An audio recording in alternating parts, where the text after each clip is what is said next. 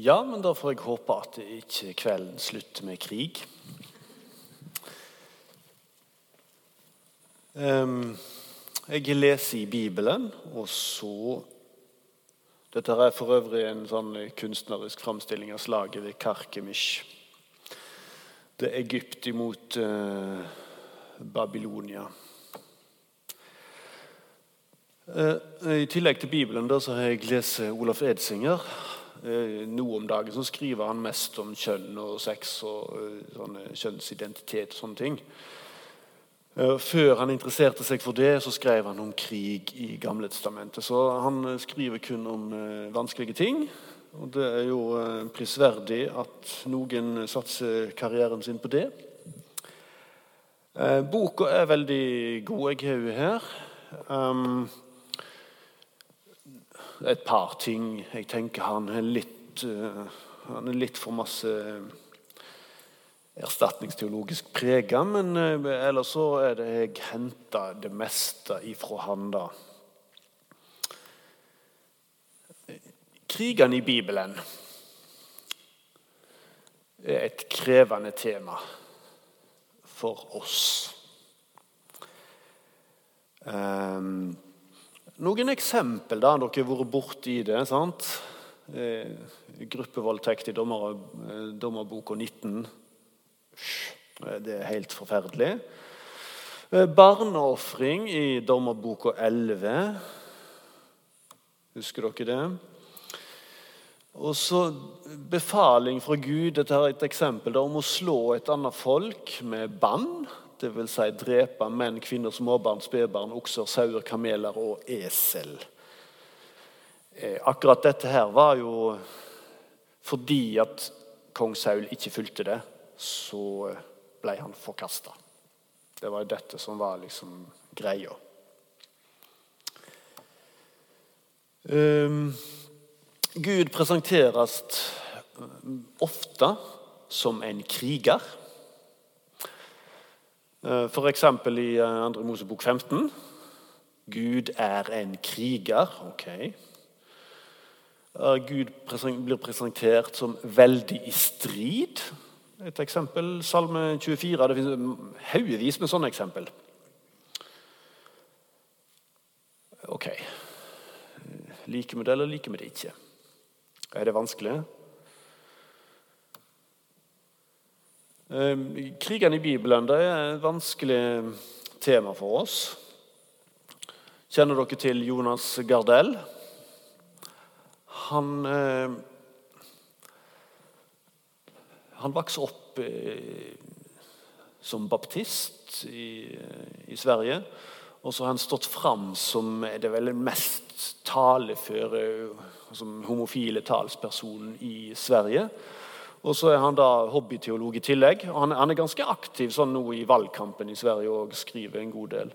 Han skrev da for noen år siden en bok om Gud, der han eh, forteller at sånn som Gud blir presentert i Gamle testamentet, så er han slaktens gud, forintelsens gud, folkemordens gud. Og så sier han at flere av de gudsbildene som Bibelen eh, har, de har demonisk opphav.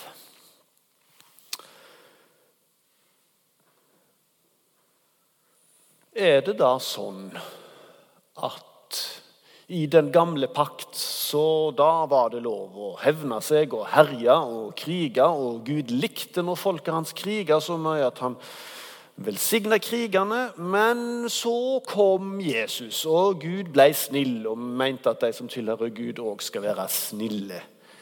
Er det liksom en god oppsummering av eh, Bibelens budskap? At eh, det ene testamentet er sånn, og det andre sånn? Eh, og så eh, ja, så konkluderer vi jo da litt sånn som Jonas Gardell. Sant? At vi måtte legge Gamle testamentet til side, for det står så mye rart der, og så gidder vi ikke lese i det mer. For det var så vanskelig. Er det sånn?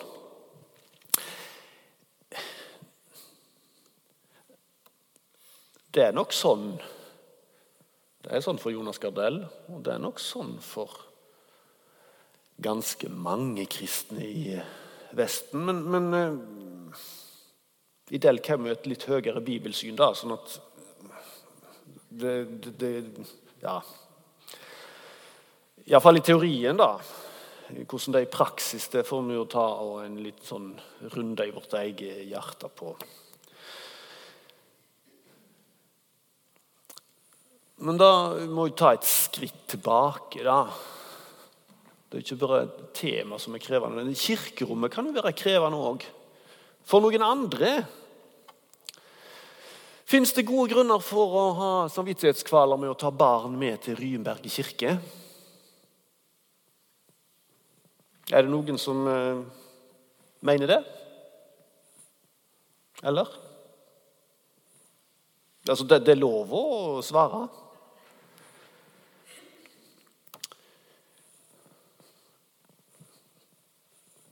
Hva er det vi har pynta frontveggen med? Ja, hva er det for noe? Det er et torturredskap. Her har jeg da et bilde av et annet torturredskap, en giljotin.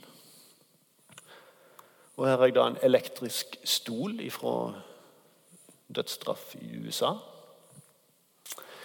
Og Da er jo spørsmålet da, hvilket av disse her tortur- og henrettelsesredskapene er verst i smertefaktor og skamfaktor? Det er det i midten der. Det som har pynta hele veggen vår med. Det er det som er verst. Ok. Fins det gode grunner for å la være å ta med barn her for å se på dette her torturredskapet? Um, for noen andre. Jeg har tenkt en del på Fordi at jeg er med på en um, Det fins en sånn reisenettside for israelere som kan på tur, og så kan de få husrom gratis hos de som er husverter. Og da har vi meldt oss på til det. Vi fikk ingen nå i sommer. Men hvis jeg skulle få det, og de liksom skjønner hvem vi er litt sånn Kunne jeg da tenkt meg å tatt dem med til Ryenberget kirke? Med det torturredskapet der, pluss at uh, den er blitt brukt veldig mye sånn antisemittisk uh, handlinger og sånn om korset. Jeg er kommet til at det ville nok vært så provoserende at de ville trukket ned rullegardina og ikke hørt på det som blir sagt. Sånn at jeg er kommet til at for evangeliets skyld så ville jeg ikke tatt dem med her til. Fordi det er et krevende kirkerom å forholde seg til.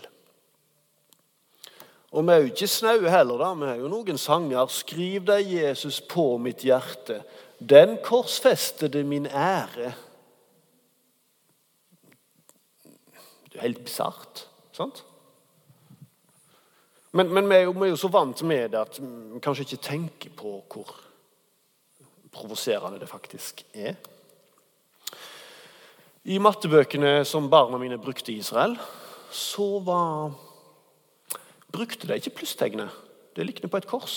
Så det hadde en opp-ned-vendt eh, T.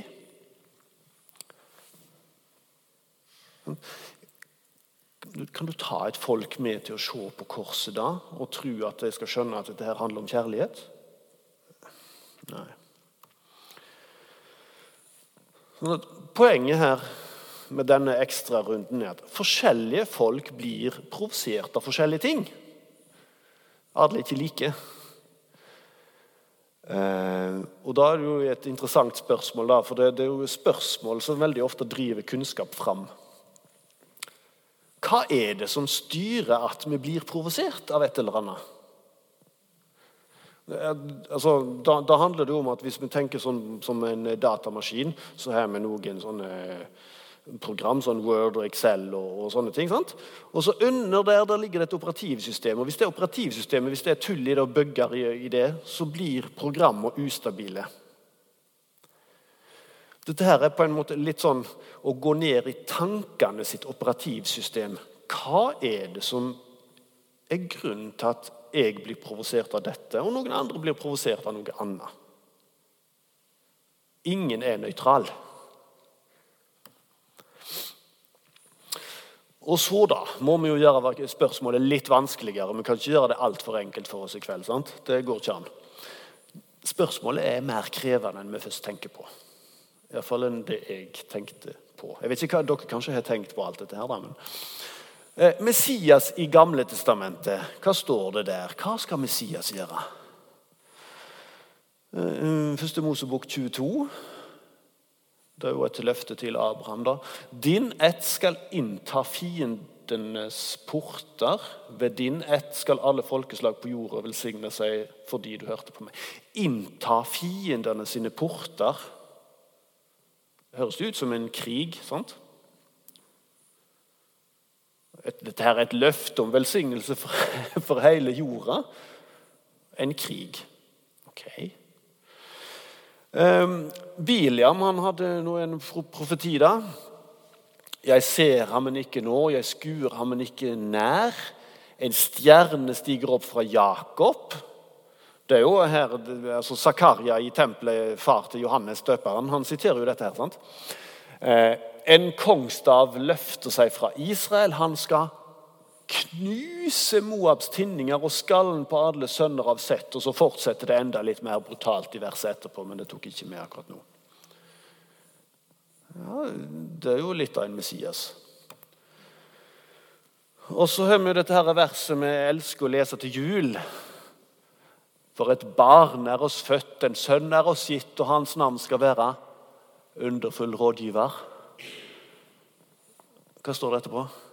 Veldig Gud. Og det er jo en snill oversettelse. Det betyr jo at han skal være en krigergud. sant? Evig far, fredsfyrste.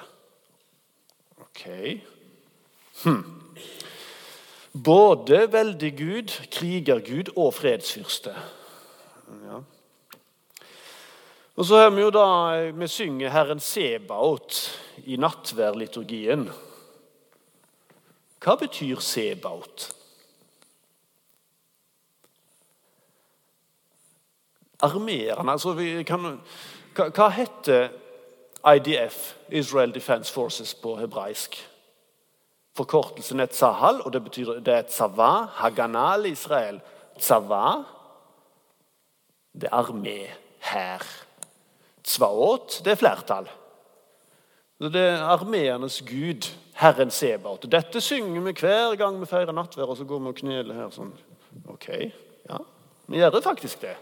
Men det er bare det at vi er så vant med at vi kanskje ikke tenker helt på hva som står i liturgien vår. sånn at det bør vi jo på en måte Poenget med å ha den er jo at vi skal tenke på den. sant?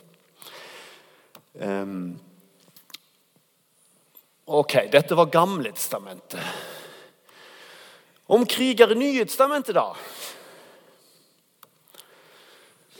det var ikke så lenge siden vi kom til Romerbrevet 16. Må fredens Gud snart knuse Satan under føttene deres. Lurer på om det vil skje veldig frivillig, uten all form for krig og strid. Må fredens Gud snart knuse Satan. Vil Satan gi seg frivillig eller ikke?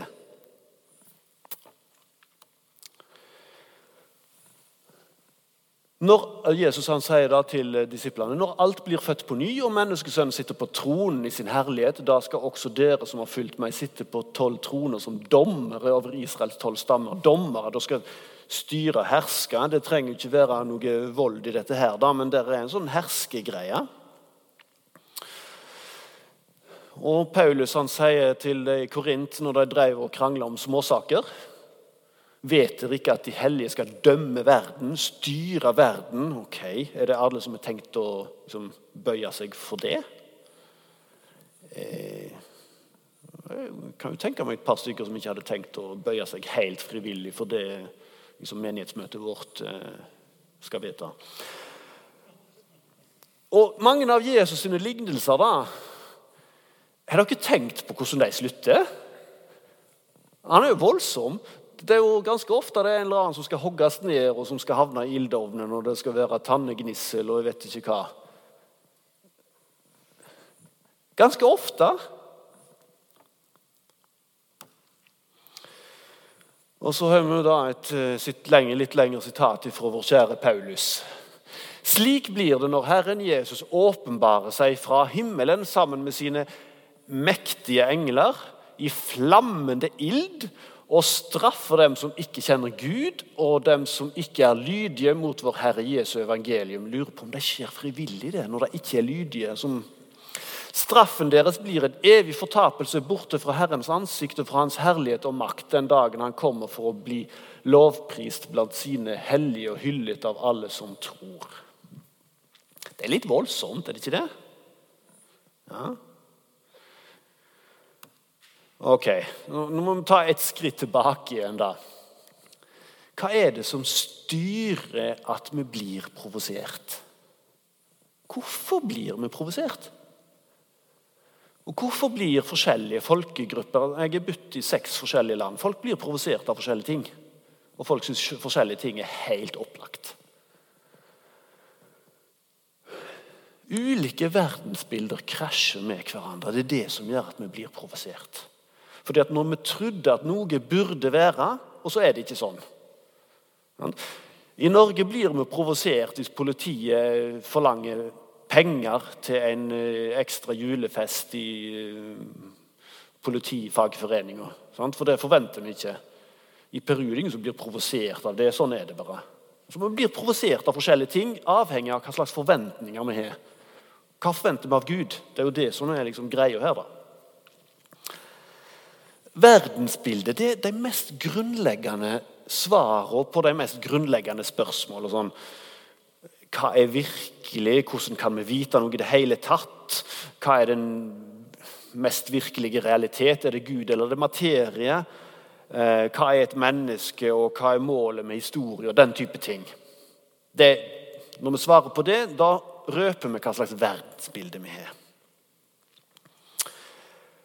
Uh, og Nå skal jeg gi noen eksempel på hvordan den der verdensbildekrasjen kan skje. Et eksempel kan Gud virkelig helbrede? Ja, I teorien så, vi jo, så vi jo et såpass eh, konservativt bibelsyn i Delkat. Det tror vi på. Men, men tør vi å be Gud om å helbrede? Ja, Vi er jo litt sekulære oppi hodet, så vi er ikke helt sikre på at det kan skje. sant? Det er jo sånn det sekulære og det bibelske verdensbildet krasj. Og så er det noen som løser det med at ja, ja, nei, på Jesus' i tid så gikk det an, akkurat nå så er det slutt. Den er jo ikke veldig sånn konsekvent, da, men, men, det er mange som prøver seg på den. Uh, og så Neste eksempel her. Vi skal jo ikke blande religion og politikk. Det er en ganske vanlig å påstå i Norge i Europa òg. Men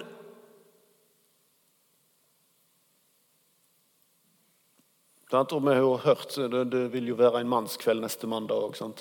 Hva skjer når de blander religion og politikk i Russland og i USA og i, ja, i Norge òg?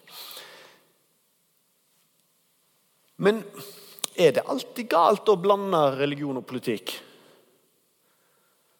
Profetene i Israel blanda seg opp i politikken hele tida. Og Jesus òg. Han kalte Herodes for en rev og sa at Pilatus ikke hadde makt.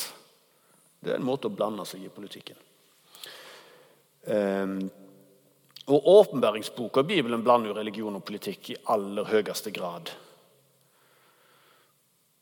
Ehm, så spørsmålet er jo, Kan en person som prinsipielt mener at religion og politikk ikke skal blandes, kan den personen være bibeltru? Eksempel tre, da. Har ti Guds bud et generelt forbud imot å ta liv? Sånn, denne krig er jo, Hvorfor er krig vanskelig? Jo, det handler jo om å ta liv. Det er jo det som ofte skjer i krig. Um, og Da var det en sånn her, eh, Ole Martin og Einar leser Bibelen, en pod. Jeg vet ikke om dere har hørt på det, de går gjennom hele Bibelen for å sjekke hva som står der. Og så legger de merke til da, at det er forferdelig mye dreping i Bibelen, og um, At Gud befaler å drepe, og så sier de ja, Gud har jo sagt at de ikke skal drepe, og så dreper han sjøl. Ja, hvis, hvis det ikke er alle regler som er så nøye for Gud sjøl. Og så kjører de den der gang på gang i poden sin. Ok? Og så kan de ikke skjønne at Bibelen kan være så inkonsekvent. Men da er jo spørsmålet Står det noe i Bibelen om at det på prinsipielt grunnlag alltid er galt å ta liv? Ja, Var det ikke et bud? Ja, Hva står det i det budet? Det står 'lå tirtsach'. Hva betyr det? På norsk i norsk straffelov så har jeg eh, lært meg at Jeg, jeg jeg googla, jeg, da. Det er forskjell på forsettlig drap, uaktsomt drap og drap i nødverge. Og Så sjekka jeg den californiske strafferetten, og der er det 13 forskjellige nivåer på å ta et liv. Ja, og Så får du forskjellig straff da, alt etter hvor uh, vondsinna du var når du gjorde det. Og Sånn er det på, i Bibelen på hebraisk òg. Det er forskjellige grader. Låtirtsar betyr 'du skal ikke myrde'. Så det betyr ikke alle former for å ta liv. Det er ikke det som står i det budet.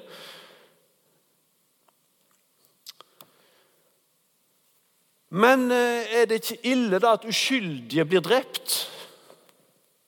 Ok. Hvorfor tenker vi det, da? Uskyld kan være relativt. Og, og Bibelen snakker også spesielt i Gamle testamentet om uskyldige mennesker i relativ forstand. Men, men så var det Jesus, da. På den tiden kom noen og fortalte ham om de galileerne som Pilatus hadde drept, slik at blodet deres blandet seg med blodet fra dyrene de ofret. Når du dreper folk i terror mens de ber, det er den verste form for terror. sant? Du går inn, eh, En islamistisk en terrorist går inn i en synagoge og dreper israelere mens de ber. Eller en som gikk inn i Sri Lanka i en kirke midt i påskedag, første påskedagsfeiring. eller altså, Mens de ber. Det blir regna som det verste. Og Dette her var da et eksempel. 'Jesus! Har du hørt Pilatus? Han er så fæl, altså!' Han bare Midt inne i tempelet. Det er jo helt håpløst. Jesus, nå må du reagere. Og så tok Jesus til orde. Mener dere at disse galileerne var større syndere enn alle andre i Galilea, siden det gikk så ille med dem? Nei, sier jeg dere. Men dersom dere ikke vender om, skal dere alle omkomme slik som de. Og så tenker Jesus at skal han liksom ta Drive inn punktet helt eller, eller vri om kniven i såret. da. Eller de 18 som ble drept da Siloatårnet styrtet sammen over dem. Mener de, dere at de var mer skyldige enn alle andre som bor i Jerusalem? Slett ikke. Jeg sier dere, dersom dere ikke vender om, skal dere alle omkomme slik som de. Hva mener Jesus med de? Han mener at uskyld er i aller høyeste grad relativt. I forhold til Gud så er det ingen som fortjener å bli kalla uskyldig. Problemet er jo mer hvorfor lar Gud så mange folk leve? Jo, det handler jo om nåde, da. Et sånn her spørsmål til da på hva slags briller er det vi bruker når vi skal nærme oss Bibelen? Evakuering eller gjenerobring, hva er målet? Her er det et bilde fra Mariupol i Ukraina. Ifra, ja, etter at krigen begynte. da. Og Der var jo spørsmålet lenge Klarer de å opprette humanitære korridorer, sånn at de kan få ut de sivile, eller blir de humanitære korridorene blokkert? Og Da er jo spørsmålet er det da nok med evakuering, eller skal Mariupol gjenerobres og gjenoppbygges før? Altså, hva, hva skal til for at vi skal kunne regne det som en seier? Når er Mariupol frigjort? Og parallelt, da Hva slags utgang av historien kan Gud tenke seg å kunne leve med? Når kan Gud være fornøyd med historiens utgang? Er det nok med evakuering av x antall truende til himmelen? Ja, Da var dette her så ille og så ødelagt, så nå evakuerer vi noen som tror på Jesus, til himmelen, og så får resten brenne som det kan. Er det en type seier? Vi har jo noen sanger som sier det. da, 'Jeg er en gjest i verden, og så skal jeg stikke av snart.' Evakuering. Mens her jeg er gjest. Så har vi jo en annen sang der som går i andre retninger. som er liksom, Vi vet ikke helt hva vi skal tro i salmebøkene våre. 'Jeg tror på jordens forvandling'. Der er det gjenerobring som er greia. Så, sånn Vi har salmer av begge slag. Hva er det som er bibelsk, da?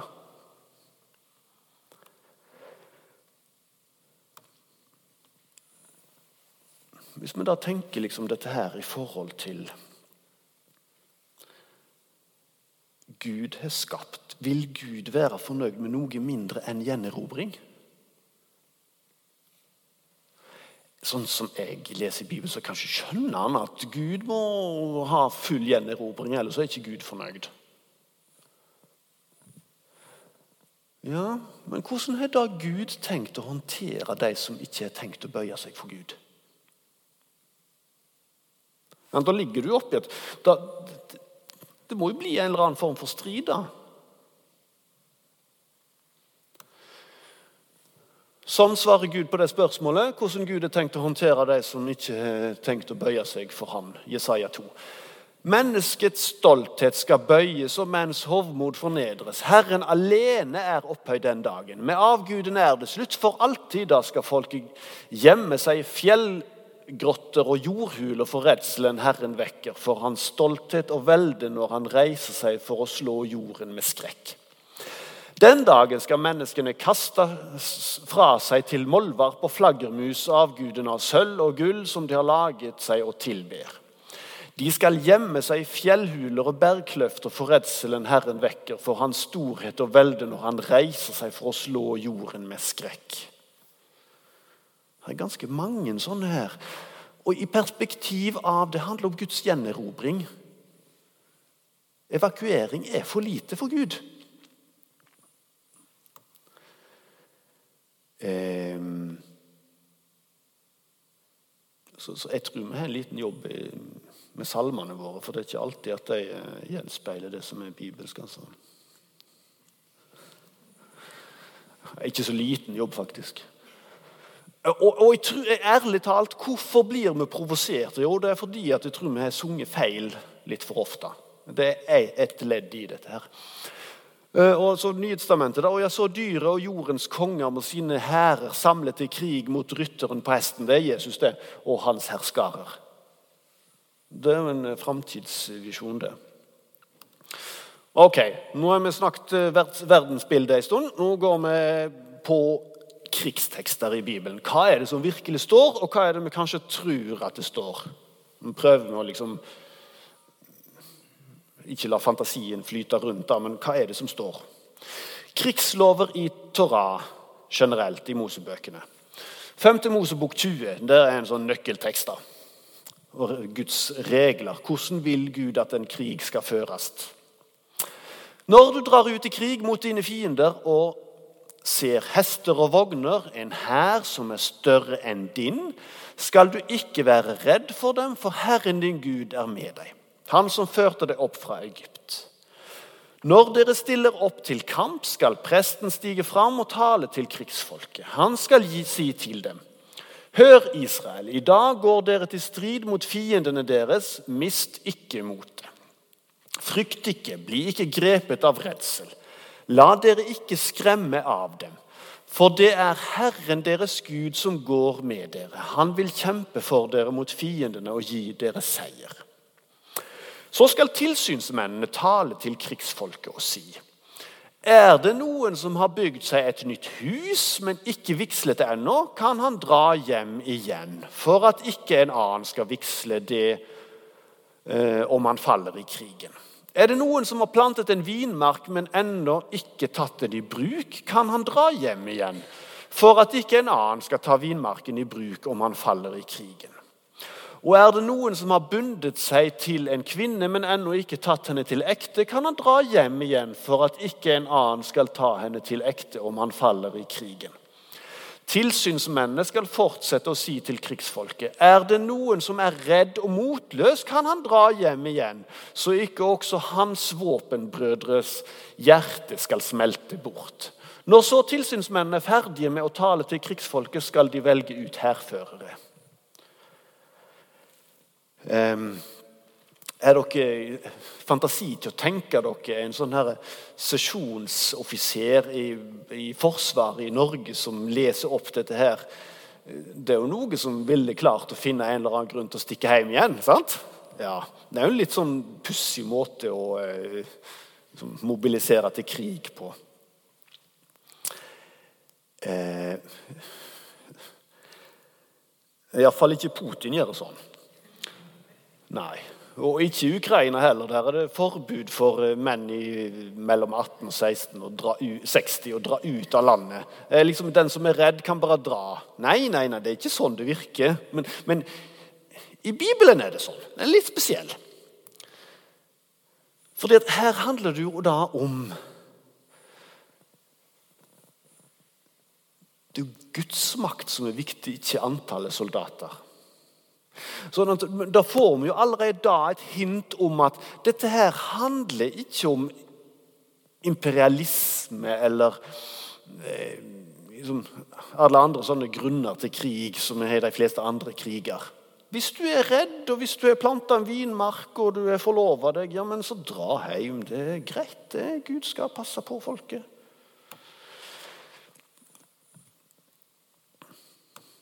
Og så fortsetter det, da.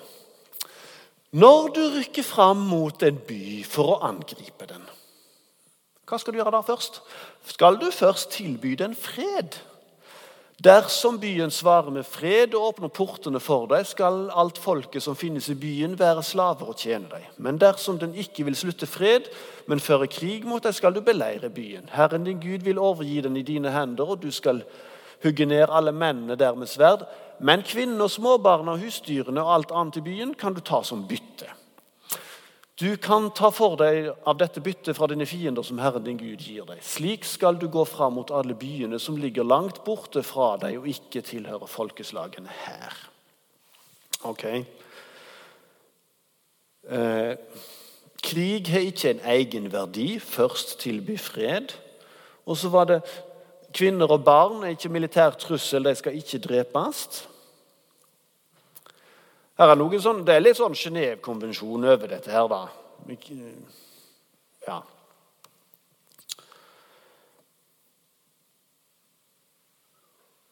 Så det er en annen ting som er spesiell med Israels kriger. I 5. Mosebok 23. Når du drar ut i felt mot fiendene dine, skal du vokte deg for alt urent. Om en av dere er blitt uren etter sædutemming om natten, skal han gå utenfor leiren og ikke komme inn igjen før det lir mot kveld. Da skal han vaske seg, og ved solnedgang eh, kan han komme inn i leiren. Du skal ha et bestemt sted utenfor leiren som du kan gå til. Blant redskapene dine skal du ha en spisstokk. Med den skal du grave en grop når du setter deg der ute og dekker over avføringen etterpå. For Herren din Gud vandrer omkring i leiren din for å berge deg og overgi fiendene til deg. Derfor skal leiren være hellig. Han må ikke se noe usømmelig hos deg, for da vender han seg bort fra deg. Eh, det går an å si mye om dette, her da, men, men, men noe av hovedpoenget her Krig er noe hellig med strikse regler. Og den regelen der om sædutømming den må jo ha redusert antallet krigsvoldtekter noe voldsomt. Og det hadde jo en eh, funksjon. Dere husker Uria og Batseba, sant? Hvorfor ville ikke Uria ligge med Batseba? Nei, Det var det ingen andre soldater som lå med noen, for de var i krig. Da skulle ikke han heller gjøre det. Så dette her var jo ikke bare en regel. Det var jo noe som Uria hadde i seg. Sånn, sånn oppfører vi bare oss ikke når det er krig. Så det er en sånn Krig er aldri fint, bra. Men det er mange sånne begrensende ting i reglene. Genévekonvensjonen, på en måte. Men så er det en annen type krig, da. Cherem. Cherem betyr noe som er vigsla, avskilt, fullstendig tilsidesatt. Enten da i positiv eller negativ forstand. Men det er helt sånn sagt ut på sidelinja. Og da er det cherem som blir brukt. Ofte så blir det oversatt i norske bibler med 'bann', 'lyse i bann', 'være bannlyst'. Da er det dette begrepet som står der. Og Et eksempel på hvordan det blir brukt når en mann viser noe av alt det han eier, vier noe av alt det han eier til Herren som bannlyst gods, når det er helt totalt tilsidesatt for Gud, Enten det er folk eller fe eller odelsjord, da må det ikke selges eller innløses. Alt som er bannlyst, er høyhellig og hører Herren til. Da er det helt tilsidesatt, og da tilhører det Herren fullt og helt. Eller så er det den motsatte greia av å bannlyse her. da. Den som ofrer til andre guder og ikke til Herren alene, skal bli slått med bann og utslettet. Poenget er da er du avgudsdyrker, da har du mista retten til å leve. Det er det som er liksom, Da er du helt utskilt, satt til side. Og Hvis det da er cheremkrig, krig, altså bannlysningskrig, utryddelseskrig Når uh, blir det snakket om cheremkrig i Bibelen? En gang det, eller da, da, når Krig i Guds navn da nasjonen er i fare for å miste siktemålet sitt. Hva er hensikten? Da, da, da blir det tatt i bruk, denne terminologien her. F.eks. i 5. Mosebok 7. Når Herren din Gud fører deg til det landet som du nå går inn i og skal legge under deg, vil han drive ut mange folkeslag for deg. Hetittene, girgashittene, amorittene, kananittene, perisittene, hevittene og jebusittene. Sju folkeslag som er større og sterkere enn du. Når Herren din Gud overgir dem til deg, og du beseirer dem, skal du slå dem med bann, cherem. Du må ikke slutte pakt med dem, ikke vise dem nåde. Du må ikke knytte slektsbånd med dem, ikke gi din datter til hans sønn, og ikke ta hans datter til kone til din sønn. For de vil få dine barn til å vende seg bort fra meg og dyrke sine guder. Da vil Herrens harme flamme opp mot dere, og han vil snart utrydde deg. Men slik skal dere gjøre med dem. Riv ned altrene deres, slå i stykker steinstøttene, hugg ned skjærastolpene og brenn opp gudebildene. For du er et hellig folk for Herren din Gud. Blant alle jordens folk har Herren din Gud valgt deg til å være hans folk, hans dyrebare eiendom. Poenget her er det handler om avgudsdyrking. Det som får eh, Israels folk til å dyrke andre guder, det er en eksistensiell trussel.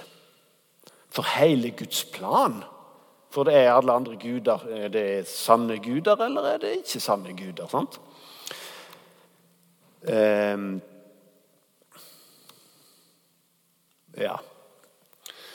Så, så I femte Mosebok en sånn Cherem-krigsregel igjen. Men i de byene som tilhører disse folkene Altså For da var det de som var langt borte, og de som var nært. Og som Herren din Gud vil gi deg til eiendom, skal du ikke la en eneste skapning få leve. Du skal slå dem alle med bann og utrydde dem, både hetittene, amorittene, kanonittene, perisittene, hevittene og jebesittene, slik Herren din Gud har befalt deg. Ellers kunne de lære dere å ta etter alt det avskyelige som de har gjort for sine guder, slik at dere synder mot Herren deres Gud. Det er jo denne Cherem-krigen her, det er jo den som på en måte som er vanskeligst for oss å forholde oss til. Begrunnelsen som Bibelen oppgir sjøl, Det handler om rett gudsdyrking og avgudsdyrking. Ja, Er det så alvorlig, da? Det er jo det som er liksom Bibelens påstand. Um, hvis vi sammenligner Israels sine Jerem-kriger med nabofolk og sine eh, kriger, så er forskjellen da at der er det kongen og lederen som er liksom den store, mens i Israel er det Gud som er hærens leder. Sånn, men ellers er det mye likt.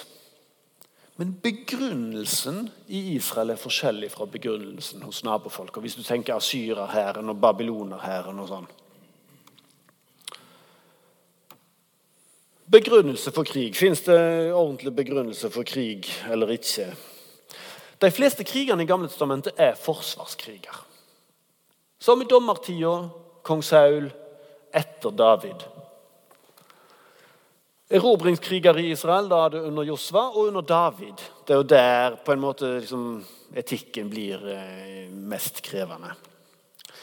Er forsvarskrig etisk forsvarlig? De fleste vil nok si det. Ja, Vi må ha litt Genévekonvensjon og begrense en del ting, men jo, dessverre. Men Jerem-krig Det er jo det som er det store etiske problemet, er det ikke det? Uh, la oss da, altså, Hvordan begrunner Bibelen dette sjøl? Skaper plass for israelsfolket. Nå skal israelsfolket ut fra Egypt gjennom ørkenen og inn i et land. Der bor det folk. Nå må det bli plass der. Og Dette her er en del av Guds frelsesplan. Eh, sånn Stående alene så er det ikke den veldig bærekraftig. Det er det jo mange andre som har brukt det her med å ha plass. Det er det jo mange som bruker. Men, men den blir oppgitt i Bibelen òg.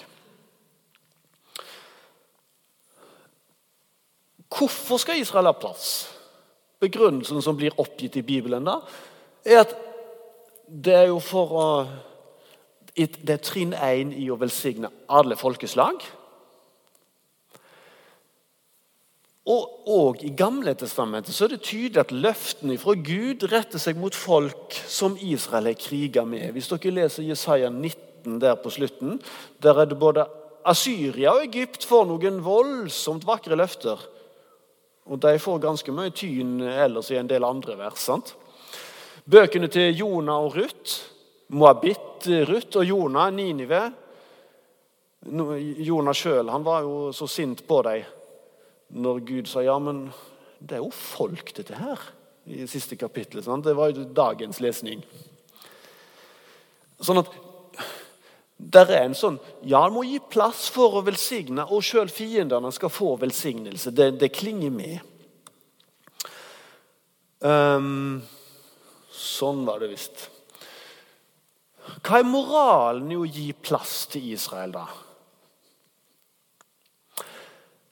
Hvordan svarer Bibelen på det sjøl? Når Herren din Gud driver dem ut for deg så si ikke i ditt hjerte det er på grunn av min rettferdighet at Herren har latt meg komme inn i dette landet og legge det under meg. Nei, det er fordi de, de har gjort urett at Herren tar landet fra disse folkeslagene. De har gjort et eller annet. De er ikke uskyldige. Eh, det er ikke fordi du er rettferdig og rettskaffen at du får gå inn og legge landet deres under deg. Nei, fordi de har gjort urett, tar Herren din Gud landet fra disse folkeslagene, og fordi Herren vil holde det løftet han med ed ga dine fedre Abraham, Isak og Jakob. Og så var det eh, Lenge før det, når Abraham fikk løftet, så sa han på denne måten og Gud sa til Abraham dette skal du vite. Ætten din skal bo som innflytter i et land som ikke er deres. Altså De skulle flytte til Egypt. Eh, der skal de være slaver og bli plaget av folket der i 400 år. Men det folket de må slave for, vil jeg også dømme. Og Deretter skal de dra ut med stort bytte. Selv skal du gå til dine fedre i fred, og du skal bli begravet i høy alder. Og så, I det fjerde slektsleddet skal de vende tilbake hit for amorittenes syndeskyld har ennå ikke fylt sitt mål. Abraham, du kan ikke komme inn med ett av de dette landet her eh, enda. Det må gå 400 år, for folk skal drive her og synde og gjøre det litt verre. Og så skal jeg si at nå er det nok. Det er sånn Bibelen forklarer det sjøl, da. Og hva var det kanonerene synda med? Og Det var avgudsdyrking av ymse slag. Og det var en pervertert sex og incest og alt mulig. Det blir beskrevet som ganske voldsomt. Et, eh, en kultur i forfall. Neste begrunnelse for Herem-krig eh, Det er en krig mot avgudene. Alle avgudene konkurrerer, og de er grunnfalske. Men sjøl i Jeriko, som skulle bli sletta med, med bann, så var det mulighet for de som skjønte at her er Gud på ferde, til å faktisk bli redda. Og mulighet til moralsk nystart. Der må jo historien repetere seg. Noah det var den samme greia òg. Nå er det blitt helt perverst. Nå begynner vi på ny. Kanansfolka helt perverst. Nå begynner vi på ny. Eh, nå må vi få opp farten her. Eh, når, når, Gud befaler Krim-krig, så er det litt interessant da, at Gud er ikke helt med. Gud heller en distanse. Han gir beskjed til Israel og han gir beskjed til Babel gå inn her med Nebukadneser og straff mitt folk. Men Gud holder en distanse likevel. Fordi Det er jo en risiko for Gud å bruke mennesker som sine redskap. Sant? Fordi at Mennesker kan jo ta seg sine egne friheter, og det skjer jo stort sett alltid. Gud heller distanse sjøl til Israel. Når Josva sto der eh, før de skulle innta Jeriko, så kom det en mann med sverd, og så sa Josva, er du med oss eller fienden? Så svarte eh, han mannen nei. Jeg tilhører Herren. Det er ikke sånn eh, fullt inn. Og, og Asyria og Babil de blir brukt av Gud, men de skal få kritikk og straff fordi at de gjorde det med feil motiv.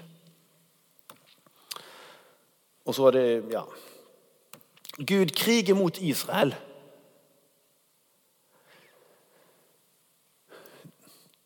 Når Gud hjelper Israel, ja, men så vender han seg mot. Så Gud gir ikke sin ære til noen. Hva er problemet da hos mennesker? Handler det om at vi har mangel på kunnskap, eller er det ødelagt vilje og vesen? Islam og moderne tro på fornuften tenker jo men problemet er mangel på kunnskap. Litt mer kunnskap og litt mer vitenskap, så ordner det seg nok. Da er jo spørsmålet hvordan skal Gud kunne overbevise mennesket sånn at diskusjonen blir ferdig om at Gud er ikke enig i den analysen som verken islam eller moderne tro på fornuften har. Gud er ikke enig i hvordan han har tenkt å overbevise folk sånn at det blir slutt på diskusjonen. Og Da må jo Gud la mennesket prøve seg i løpet av historien, sånn at til slutt hver munn skal tie og ikke si noe mer. For Gud hadde jo rett. Det var ikke nødvendig med mer diskusjon. Da må mennesket få lov til å mislukkes. For ellers har ikke Gud noe bevismateriale dom, på dommens dag. Ok, Hvordan virker da Guds la deg mislukkes-metode. Har dere lagt merke til I andre Mosebok der er masse sånn ulydighets eh, mellom uttoget av Egypt fram til de kommer til Sinai. så masse sånn ulydighet. og De sur, murrer og klager og mm, sure. og 'Gud, hvorfor tok du oss ut?' Og, mm. ja. Og, og disse her etter i Fjerde Mosebok så er det samme greia. De er parallelle, omtrent det samme. Nei, Vi får ikke mat, vi vil ha kjøtt, vi har ikke vann. Gud, hvorfor tok du Moses? Hva skjedde derimellom? De fikk masse kunnskap om lover og regler. Hjelpte det? Nei. Det er jo et eller annet sånn Ok, men eh, det er ikke kunnskap som er problemet. Det er noe annet. Og det er jo det samme. La syndeskylda til amorittene vokse av seg sjøl i 400 år, så ser vi hva som bor i folk. La historien gå, så ser vi hvordan det funker. Og det ser vi jo litt av òg i avisa. Um, de brydde seg ikke om Gud. Ja, men da overlatt Gud da får dere styre på det, så ser vi hva slags vei dette går. Og Han satte opp et skille mellom jøder og hedninger, sånn at det går an å bli sure på hverandre. Og det har jo skjedd, det òg. For det, det røper jo misunnelsen som er inni. sant? La folk mislukkes. Det samler bevismateriale. Um, men da hvis eh, det stemmer at problemet er ødelagt vilje og vesen, men ingen vil innrømme det, hva skjer da? Nei, Hva gjør du da med politiet og kriminelle nettverk? De kan ikke gripe inn med en gang. De må vente til de samler litt bevis til at det kan bli en fellende dom. Da er det liksom Guds ideal og Guds realpolitikk. Hva vil Gud, og hvordan må Gud håndtere situasjonen? Ekteskapet er et eksempel her. da. Det Gud som har sammenføyd, skal mennesker ikke skille. Eh, soleklart. Hvorfor finnes det da realpolitiske skilsmisseregler i Bibelen? Fordi dere har så harde hjerte, sier Jesus. Krig. Hva er Guds ideal om fred og krig og død og sånn? Folk skal ikke løfte sverd mot folk og ikke lenger læres opp til krig. Krig er en uting. Guds ideal soleklart. Og realpolitikken om krig, da? Jo, David gjorde som Herren hadde befalt han, og han slo filisterne, og han forfulgte det til Geba og Geser, og det var nok ikke sånn veldig snilt. Og så møtet mellom ideal og realpolitikk. David han ville bygge et tempel. Nei, du David, dette går ikke. Du har vært en kriger. Jeg befalte deg å krige, og jeg velsigna deg i krigen, men, men bygge tempel nei, det skal du ikke, for du har utgitt blod. Sånn, det er ikke sånn at Gud liker krig. Guds ideal, det er klart. Men det handler om realpolitikk. Hvordan skal en håndtere denne historien med disse folka som ikke vil bøye seg? Som lever i en kultur med andre som heller ikke vil bøye seg. og det er bare kaos. Ja, Da må du lage noen sånne der, eh, midlertidige regler, på en måte. Og Da kaller han Assur min vredes ris. Assur, jeg skal bruke deg. Og de var noen råtasser. Og så sier han jo, men jeg skal kreve deg til regnskap etterpå. Jeg har brukt deg, men du hadde, var hovmodig mens du gjorde det. Så da skal du få straff. Og sjøl i Josva-boka så er idealet fred. Og det er jo faktisk ingen andre nasjoner enn Israel som har bidratt med visjoner om fred for hele jorda. Idealet er klart. Ble ikke Israels eh, soldater for rå av krigene? da? Jo, det ble rå. Men relativt sett så var de barmhjertige i forhold til sånn Syria og Babylonia. Hele Torah handler om sånn realpolitikk og tøyle det verste. Ingen liker skilsmisse, men vi må ha noen skilsmisseregler fordi at det skjer. Da må vi ha litt beskyttelse likevel for den svake part osv. Guds realpolitikk det handler om å møte mennesket på det kritikkverdige stedet der vi er. Begynne med Israel, og så føre historien fram til Guds ideal. Det er det det dreier seg om. Ok, Ble det en forskjell etter at Jesus kom, da? Det er ikke sånn at Gud har forandra seg. Men Guds utryddelse, hans reremkrig, hvem var det den ramma? Den ramma Jesus på korset. sånn at På sånn sett så er det ikke så galt å ha et kors likevel. da. Og Da sa han alt i himmel og på jord er forsont ved blodet til Messias Jesus. Straffen er effektuert som et stedfortredende straff. Og dermed er dommen midlertidig suspendert. Da fins det en omvendelsesmulighet med tilgivelsesgaranti. Og så kjeremkrig mot de som nekter å bøye seg for Gud og for hans Messias. Den er ikke nødvendig, fordi at straffen er allerede utkrevd. Jeg kan møte hvem som helst med godhet og velsignelse og nåde fordi at Det er noen andre som allerede har fått straffen. Ikke, altså, det er det det betyr. Han tok all straff.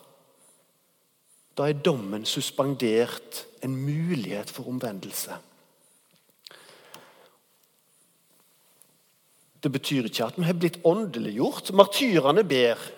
Da lammet brøt det femte seilet, så jeg under alteret sjelene til dem som var blitt slaktet for Guds ords skyld og for sitt vitnesbyrd. De ropte med høy røst, Herre, du hellige og troverdige, hvor lenge vil du vente før du holder dom og lar straffen for, blod, for vårt blod komme over dem som bor på jorden? Da fikk hver av dem en hvit kappe, og det ble sagt dem at de skulle holde seg i ro ennå en liten stund til tallet på de medtjenere og søsken som skulle bli drept, som dem var fulgt. Historien må gå sin gang. Den uh, Surdeigen må vokse, liksom. Og så vil dommen bli avsuspendert til slutt, da. Mot slutten av historien. Alt er skapt av Gud.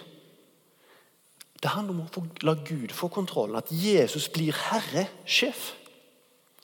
Gud vil gjenerobre skaperverket og vise seg hellig for folkeslaget når han gjenoppretter Israel.